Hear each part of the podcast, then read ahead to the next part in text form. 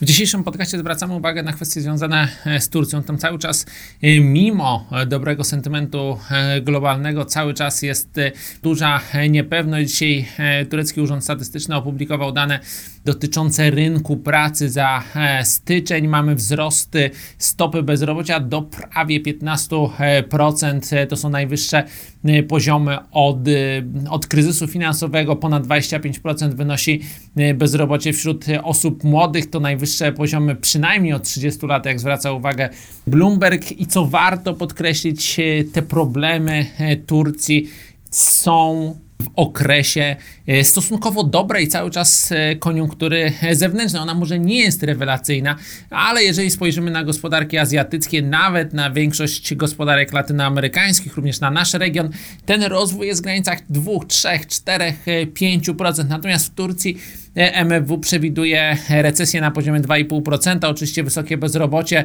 konieczność e, oszczędności, będzie mniej inwestycji, będzie zmniejszenie potencjalnego e, wzrostu e, gospodarczego, także problemy gospodarcze Turcji pozostaną z nami najprawdopodobniej na długo. Dodatkowo cały czas jest niepewność polityczna związana z uznaniem wyniku wyborów w poszczególnych miastach, a zwłaszcza w Stambule.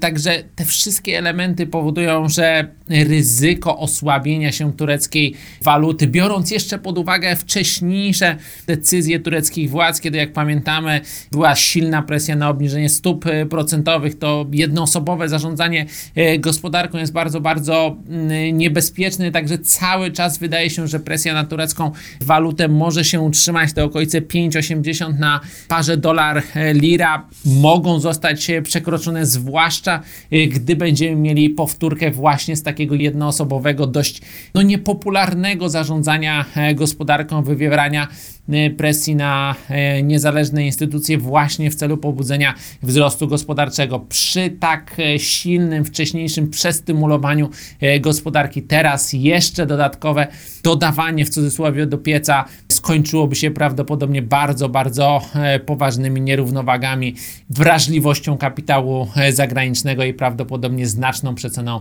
tureckiej waluty.